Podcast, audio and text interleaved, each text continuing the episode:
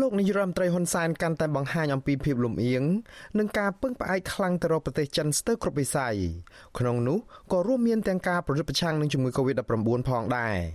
លោកហ៊ុនសែនប្រកាសនៅថ្ងៃទី1ខែកក្កដាថារដ្ឋាភិបាលរបស់លោកជ្រើសរើសយកចិនជាបង្អែកយុទ្ធសាស្ត្រសម្រាប់ការផ្គត់ផ្គង់វ៉ាក់សាំង COVID-19 ហើយលោកចាត់ទុកថាការផ្តល់វ៉ាក់សាំងពីប្រភពផ្សេងទៀតត្រឹមតែជាប្រភពគ្រប់គ្រងតែប៉ុណ្ណោះ លោកអះអាងថាវ៉ាក់សាំងរបស់ចិនចំនួន9លានដូសបន្ថែមទៀតនឹងមកដល់ប្រទេសកម្ពុជានៅខែកក្កដានិងខែសីហាហើយរដ្ឋាភិបាលលោកគ្រោងបិទបញ្ចប់យុទ្ធនាការចាក់វ៉ាក់សាំងជូនប្រជាពលរដ្ឋនៅខែវិច្ឆិកាខាងមុខទន្ទឹមនឹងនេះលោកក៏ណែនាំឲ្យមន្ត្រីសុខាភិបាល បញ្ជាទិញថ្នាំព្យាបាលជំងឺ Covid-19 ពីប្រទេសចិនផងដែរ។ មិត្តភ័ក្តិបរទេសអាចយល់អំពីចិត្តរបស់កម្ពុជាតិចថាឯងលើចិនស្អីក៏ចិនស្អីក៏ចិនបើអស់លោកមិនក៏ដល់ខ្ញុំតើខ្ញុំទៅពឹងណាណាបើមិនពឹងចិត្ត ក្រៅពីនេះលោកហ៊ុនសែនបានព្រមានដល់មន្ត្រីសុខាភិបាលមួយចំនួន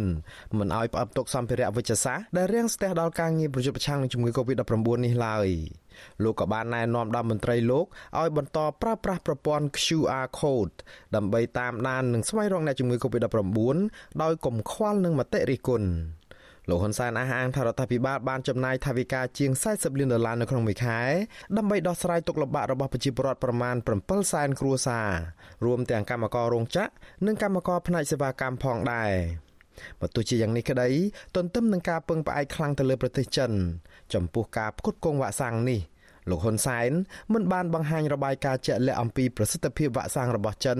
ដែលចាក់ជូនប្រជាពលរដ្ឋខ្មែរនោះទេ ផ្ទុយទៅវិញលោកហ៊ុនសែនបែរជាណែនាំឲ្យមន្ត្រីរបស់ខ្លួនត្រៀមទិញឧបករណ៍វិទ្យាសាស្ត្រពង្រីកកន្លែងព្យាបាល និងរៀបចំឡបូជាសពអ្នកស្លាប់ដោយសារតែជំងឺ Covid-19 នេះទៅវិញមិនតែប៉ុណ្ណោះនៅថ្ងៃដដែលនេះលោកហ៊ុនសែនណែនាំឲ្យអាជ្ញាធររៀបចំទិញមឈូសសម្រាប់ដាក់អ្នកស្លាប់ដោយសារតែជំងឺ Covid-19 នេះ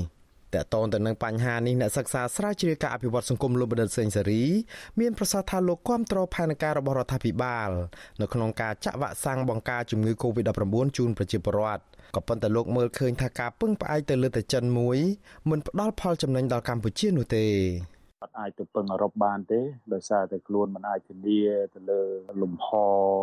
នយោបាយប្រជាធិបតេយ្យការគោរពសិទ្ធិមនុស្សការធានានៅការការពារបរិស្ថានអីចឹងជាដើមហើយ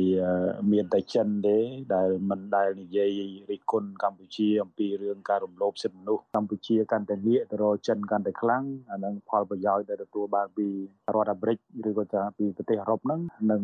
កាន់តែខ្សោះទៅខ្សោះទៅហើយអ្វីដែលសំខាន់ហ្នឹងគឺអ្នកដែលប៉ះពាល់មុនគេហ្នឹងគឺពលរដ្ឋមិនមែនមន្ត្រីជាន់ខ្ពស់រដ្ឋាភិបាលទេ វិធានការប្រយុទ្ធប្រឆាំងនឹងជំងឺ Covid-19 របស់រដ្ឋាភិបាលកម្ពុជាត្រូវបានសាធារណជននិងអ្នកតាមដានស្ថានភាពមួយចំនួនរិះគន់ថាជាវិធានការដែលមានលក្ខណៈនយោបាយច្រើនជាងលក្ខណៈបច្ចេកទេស ព្រោះសេចក្តីសម្រេចចិត្តភាកច្រើនចេញមកពីលោកហ៊ុនសែន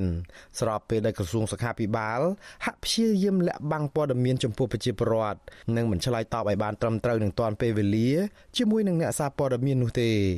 ជាងនេះទៅទៀតទោះជាកម្ពុជាមានវ៉ាក់សាំងកាន់តែច្រើនក៏ដោយក៏តួលេខអ្នកឆ្លងថ្មីនិងអ្នកស្លាប់ដោយសារតែជំងឺនេះមិនបានថមថយនោះឡើយចាប់តាំងពីដើមសប្តាហ៍នេះមកតួលេខអ្នកឆ្លងថ្មីនិងអ្នកស្លាប់បានហក់ឡើងខ្ពស់ អ្នកឆ្លងថ្មីមានចន្លោះពីជាង700នាក់រហូតដល់ជាង1000នាក់ស្របពេលដែលអ្នកស្លាប់វិញមានចន្លោះពីជិត20នាក់រហូតដល់ជិត30នាក់នៅក្នុងមួយថ្ងៃ